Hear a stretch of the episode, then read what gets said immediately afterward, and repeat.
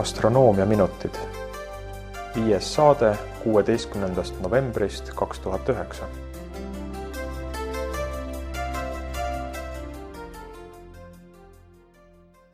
head astronoomiahuvilised, alustame astronoomiaminutite viienda saatega. mina olen Taavi Tuvikene ja minu vestluskaaslaseks on Tõnis Eenmäe. tere, Tõnis! tervist! seekordses saates ei tee me ülevaadet tähistaevast, vaid räägime hoopis astronoomia uudistest ja mõnedest teistest põnevatest teemadest. juttu tuleb veest Kuul ja Marsil ja saate viimases osas räägime varjutusmuutlikust tähest Epsilon Auriga. septembrikuus teatas NASA, et Kuu pealt on leitud hulgaliselt vett ja mitte ainult Kuu kraatritest pooluste ligidal, vaid üle terve Kuu. Ja seda vett olevat nii palju, et iga üheksasaja kilogrammi regoliidi ehk Kuu pinnase kohta tuleb umbes üks liiter vett. see kogus ei ole muidugi suur maa mõistes, küll on aga see suur meie seniste teadmiste valguses Kuu kohta.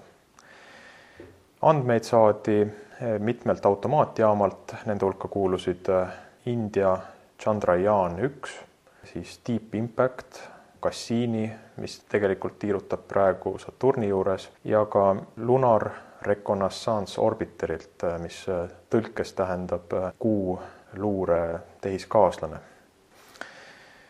seda vee leidmise lugu tasuks ehk alustada automaatjaamast Chandrayaan üks, mille pardal lendas ka NASA instrument nimetusega Moon Mineralogy Mapper, mis tõlkes tähendab Kuu mineraalide kaardistaja, aga lühendnimena kasutatakse sageli M-kuubis. see instrument nimega M-kuubis siis kaardistas ligikaudu üheksakümmend viis protsenti tervest Kuu pinnast ja ta tegi seda infrapunases valguses. ja infrapunases valguses mõõdetud spektrites leiti vee neeldumisribad, nii et sealt saadi siis esimesed andmed vee laialdasest leidumisest Kuu pinnases. alguses neid tulemusi ei usutud hästi, arvati, et tegemist on kalibreerimisveaga, aga siis leiti, et automaatjaam Cassini, mis lendas tuhande üheksasaja üheksakümne üheksandal aastal Kuust mööda, oli teel Saturni poole, et Cassini kasutas oma seadmete kalibreerimiseks ka Kuud, tegi Kuu vaatlusi ja kui Cassini jõudis Saturni juurde ja Cassini seadmeid kalibreeriti aastatel kaks tuhat neli kuni kaks tuhat kaheksa, siis tuli välja, et üheksakümne üheksanda aasta Kuu vaatlustes oli ka näha vee ja, ja hüdroksüüli olemasolu. hüdroksüül on siis selline ühend, mis koosneb ühest hapniku ja ühest vesiniku aatomist. ka Cassini andmete puhul ei usutud algul seda tulemust, sest Cassini nägi vett ja hüdroksüüli ka Kuu päevaküljel ehk siis sellel küljel, kuhu langeb päikesevalgus ja mis on küllalt kõrge temperatuuriga, et seal ei tohiks vett üldse leiduda. kui nüüd aga nende kahe automaatjaama, Chandrayaan ühe ja, ja Cassini saadud andmed kokku panna, siis tuleb välja juba küllalt kindel tõend vee leidumisest Kuu peal. selleks, et tulemusi kinnitada, pöörduti automaatjaama Deep Impact teadlaste poole. Deep Impact on selline missioon, mis on mõeldud komeetide uurimiseks. kahe tuhande viiendal aastal pommitas Deep Impactist eraldunud sond ühte komeeti ja praegu on Deep Impact teel järgmise uurimisobjekti suunas. aga selleks, et komeetide juurde jõuda, kasutab Deep Impact ka Kuu gravitatsioonijõudu ja nii lendas Deep Impact Kuust mööda kahe tuhande üheksanda aasta juunikuus. ja selleks, et aidata kaasa selle vee olemasolu väljaselgitamisele pandi Deep Impacti peal olev spektrograaf seitsmeks päevaks tööle. nii et teisest üheksanda juunini kahe tuhande üheksandal aastal tegi Deep Impact kuu vaatlusi. ja need vaatlused kinnitasid täiesti üheselt teiste automaatjaamadega saadud andmeid. ühtlasi tuli välja, et Deep Impacti spektrograaf oli väga sobilik kuu uurimiseks, kuna vee ja hüdroksüüli neeldumisribad asuvad spektris umbes kolme mikromeetri juures, siis lainepikkuse kolme mikromeetri juures ja Deep Impacti spektrograaf võimaldab selle laineala juures äh, vaatlusi teha. muuhulgas äh, andis äh, Deep Impact ka vihjeid, kuidas vesi kuule sattuda võib. nimelt leiti, et veejäljed kuul ehk siis see vee leidumine on korrelatsioonis mitte kuu heleduse ega ka mitte pinnavormide või tüüp, pinnatüüpidega, vaid temperatuuriga kuu pinnal et seal, kus äh, on temperatuur madalam, seal leidub äh, rohkem vett, seal, kus on temperatuur kõrgem, leidub vähem vett. ja leiti, et äh, vee tekkimisel on omamoodi tsükkel. nimelt, kui kuu pinnale saabub hommik ehk siis päikesekiired hakkavad langema kuu pinnale, siis vee tekkimine hoogustub. päeva jooksul, kui temperatuur kasvab, siis äh, jääb vett mõnevõrra vähemaks, ilmselt äh, vesi aurustub ja õhtupoole tekib jälle vett juurde. seejuures öisel ajal veekogus kuu pinnal ei muutu. Nii et sellest võib järeldada, et vee tekkimine on seotud äh, päikesega päike peab olema äh, horisondist kõrgemal selleks, et vesi saaks kuu pinnale tekkida. ja on välja pakutud selline hüpotees, et, et vesi tekib tänu päikesetuulele. päikesetuules on äh, vesinikuioonid ja kui need äh, liituvad hapnikuga, mida leidub kuu regoliidis ehk siis kuu pinnases, siis moodustuvadki veemolekulid. küll aga ei ole päris kindel, mis sellest äh, veest saab siis äh, päevasel ajal, kui temperatuurid tõusevad, et kas see vesi aurab lihtsalt ära või tungib see vesi äh, sügavamale kuu pinnasesse. ja ei ole ka tegelikult kindel, kas selline vee tekkemehhanism kuu peal on ainus veeallikas, tõenäoliselt tekib vett kuul ka teistmoodi või, või on siis kunagi varem tekkinud. on jah leitud, kuu peal on leitud äh, kraatreid, äh, mille ümbruses on kah üsna tugevad äh, siis need hüdroksüüli jäljed ja, ja just siin niimoodi kahes suunas laiali olevalt, et arvatakse, et, et selline nii-öelda kaks hüdroksüüli rikast juga võisid siis tekkida selle kraatri tekkimise hetkel, kui, kui langev asteroid, aga võib-olla ka komeet lõi kuu pinnasest pinna sees olevat vett nii-öelda siis välja sealt kraatri tekkimisel. Aga samas on ka osad kraatrid, kus ei ole mingisuguseid selliseid erilisi märke, nii et seda ei ole päris, päris täpselt hetkel veel teada, et kas, kas, kas need võivad olla eristatavad siis komeetide või, või siis ütleme nii-öelda kuivade asteroidide kukkumistena. et noh, uurimiseks veel materjali jätkub. aga see vesi kuu peal ei ole ainus vesine uudis meil täna, et, et võib-olla siis meie kõigest sarna, kõige sarnasemast naabrist ja veest sellel, Taavi rääkisid kah veel pisut lähemalt. jah, hiljuti tuli uudis, et vett on leitud äh, Marsi värsketest äh, kraatritest. nimelt äh, tiirutab Marsi ümber automaatjaam nimega Mars Reconnaissance Orbiter, mis tõlkes tähendab Marsi luure tehiskaaslane ja lühendnimi on sellel MRO, kasutame edaspidi seda. nimelt pildistab MRO oma kaameratega Marsi pinda ja kui neid pilte võrrelda varasemate piltidega, siis võib leida muutusi Marsi pinnal ja niiviisi on leitud sadakond värskelt tekkinud meteoriidikraatrit.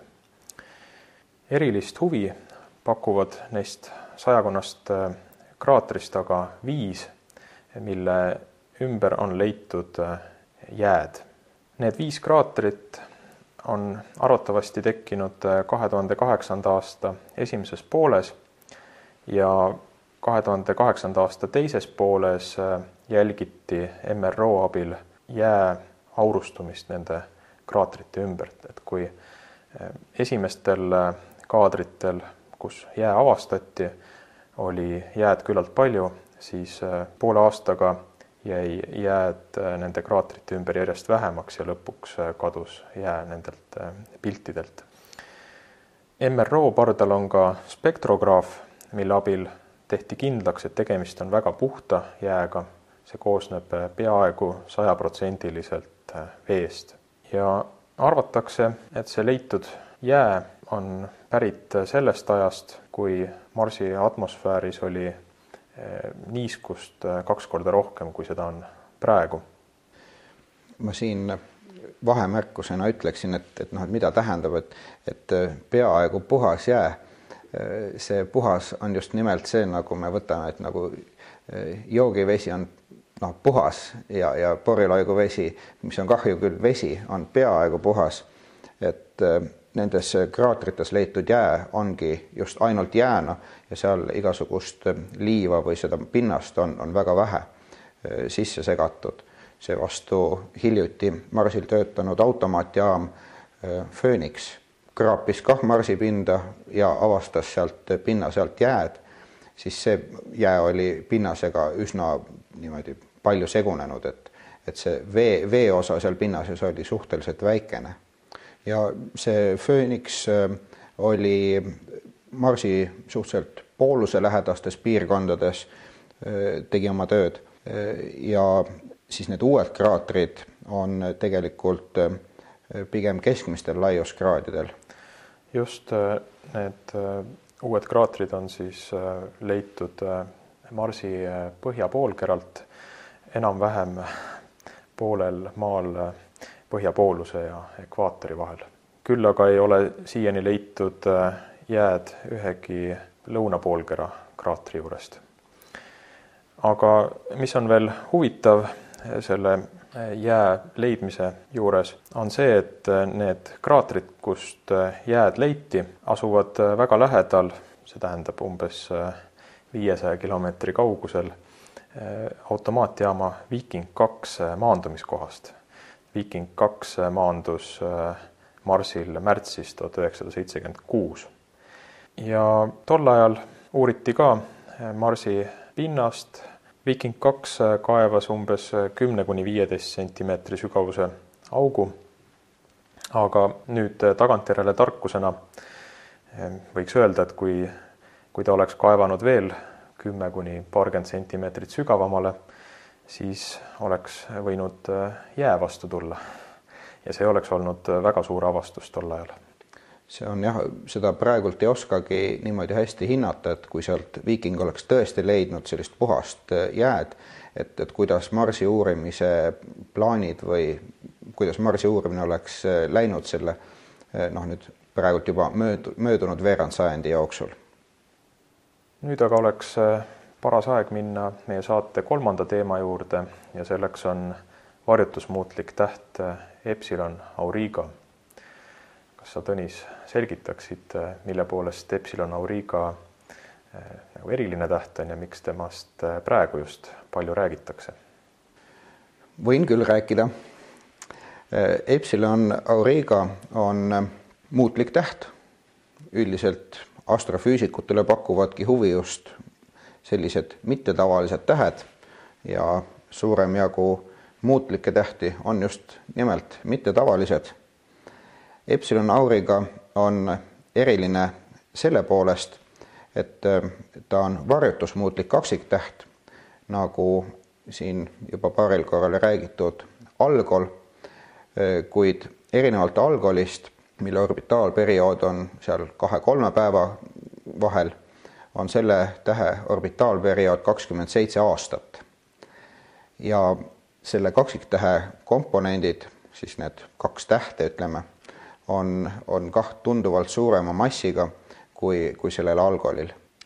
Epsilon Auriga muutlikkus avastati juhuslikult juba tuhande kaheksasaja kahekümne esimesel aastal eh, Saksa astronoomi Johann Fritši poolt, eh, kes siis eh, vaatles taevast ja, ja avastas, et see Epsilon Auriga, mis on küllalt hele täht seal veomehe tähtkujus, et on nõrgemaks muutunud.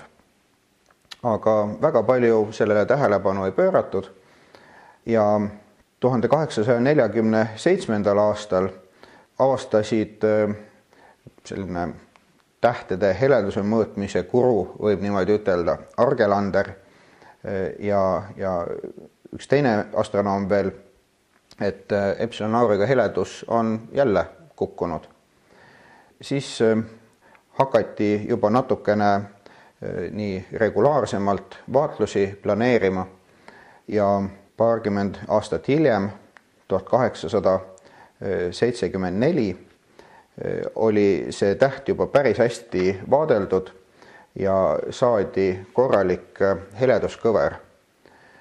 siis hakkas selguma ka see tegelik tähe orbitaalperiood, mida siis arvati, et, et kakskümmend seitse aastat või viiskümmend neli aastat või võib-olla natukene või kaks korda vähem veel, et seal kolmteist aastat, seda päris täpselt ei teatud, aga jah, need äh, vaatlused äh, siis äh, toimusid siis juba regulaarselt ning kahekümnenda sajandi alguses oli, oli lõpuks selge, et, et jah, see on tõepoolest täht, mille periood on kakskümmend seitse aastat.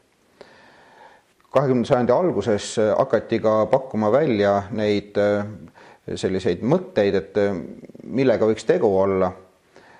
oli, oli selge, et et üks täht nendest on, on suure massiga ja teine täht on teadmata massiga, võib vist niimoodi ütelda. ja kui hakkasid astrofüüsika meetodid, spektroskoopia eeskätt juba niimoodi äh, rohkem kasutust leidma, siis, siis määrati selle Epsilon Auriga äh, mass ka juba suhteliselt täpselt ära. tuli välja, et äh, see Epsilon Auriga nii-öelda nähtav täht on F-spektriklassi täht, ülihiid. See on siis selline täht, mille elu on jõudnud juba noh, lõpusirgele ja tähe massiks on, on hinnatud viisteist päikesemassi ja tema see siis läbimõõt on väga suur, kolmsada päikese läbimõõtu. noh, et Maa jääks, Maa ja Marss isegi jääksid äh, selle tähe sisse, kui selline täht oleks meie päikese asemel. nüüd see täht, ütleme siis täht jutumärkides, eh, mis seda F-spektriklassi ülihiidu varjutab, on suur mõistatus ka tänapäeval. sest tähe spektrist ei ole võimalik leida mitte mingisugust märki selle kohta, et, et see oleks tavaline täht sest kui see oleks tavaline täht, siis oleks spektris näha kahe tähe spektrijooned ja noh, ka tänapäeval, kus need mõõtmised on juba väga täpsed, oleks seda võimalik eristada. aga midagi sellist leitud ei ole. ja selle tõttu siis ähm, arvatakse, et tegu on mingisuguse, tegu on tumeda looga, see tume asi on seal arvatavasti niisugune tolmuketas äh, ja, ja niisuguse omapärase struktuuriga, et ähm, varjutustest juba õige ammustest juba selle tuhande kaheksasaja seitsmekümne neljanda, seitsmekümne viienda aasta varjutusel eh, märgati, et eh, varjutuse keskmomendis, kus noh, heledus peaks olema kõige väiksem, tegelikult tähe heledus hästi natukene kasvas.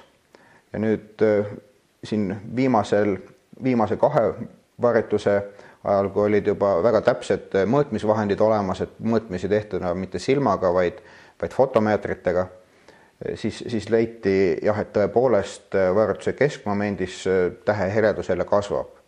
ja siis selle tõttu arvatakse, et selles kettas või tumedas, et see tumedas aines, et see on ketta kujul ja ketta keskel on auk. ja mis seal augu sees on, selle kohta päris lõplikku selgust ei ole. kõige niisugused viimasemad oletused on, et seal on kaks hästi kuuma tähte, B-spektriklassi tähte, mis tiirutavad ümber üksteise ja mis on siis kumbki nendest tähtedest on väiksema massiga kui see F-spektriklassi ülihiid.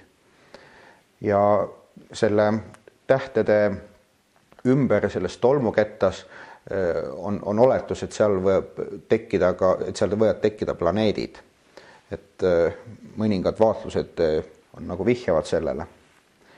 aga mis jäi, mis jäi mainimata, et selle kahekümne seitsme aastase perioodi üks põhjus on see, et äh, see teine, ütleme nähtamatu kaaslane siis asub sellest põhitähest väga kaugel, see on seal umbes kahekümne seitsme astronoomilise ühiku kaugusel, mis on peaaegu planeet Neptuuni kaugus Päikesest, nii et, et see oleks, see on ikka päris kaugel. Nüüd äh, põhjus, miks äh, Epsilon Aurigast äh, nii palju räägitakse ja miks meie temale astronoomia minutit saate pühendame või osa saatest, on see, et, et nüüd järgmisel aastal, kahe tuhande kümnendal aastal saabub järjekordne varjutuse keskmoment täitub järjekordne kakskümmend seitse aastat eelmisest varjutusest. ja õigupoolest see praegune varjutus on juba pihta alanud, et see varjutus algas augustikuus. Mm, jah, see varjutus on tõepoolest alanud, praeguseks on see selgelt, selgelt mõõtmistest näha. kui siin ennustati, et varjutus algab kuuendal augustil siis äh, tegelikult äh, väga täpsetest mõõtmistest ei olnud tol hetkel kuidagi võimalik välja lugeda, et mingisugust varjetust oleks toimunud või et, et hakkaks heledus vähenema, äh, siis, siis nüüd praegult umbes paar kuud hiljem on juba, on juba selgelt näha, et tähe heledus on pisut vähenenud ja praegult on siis see heledus oma selle languse, languse peal.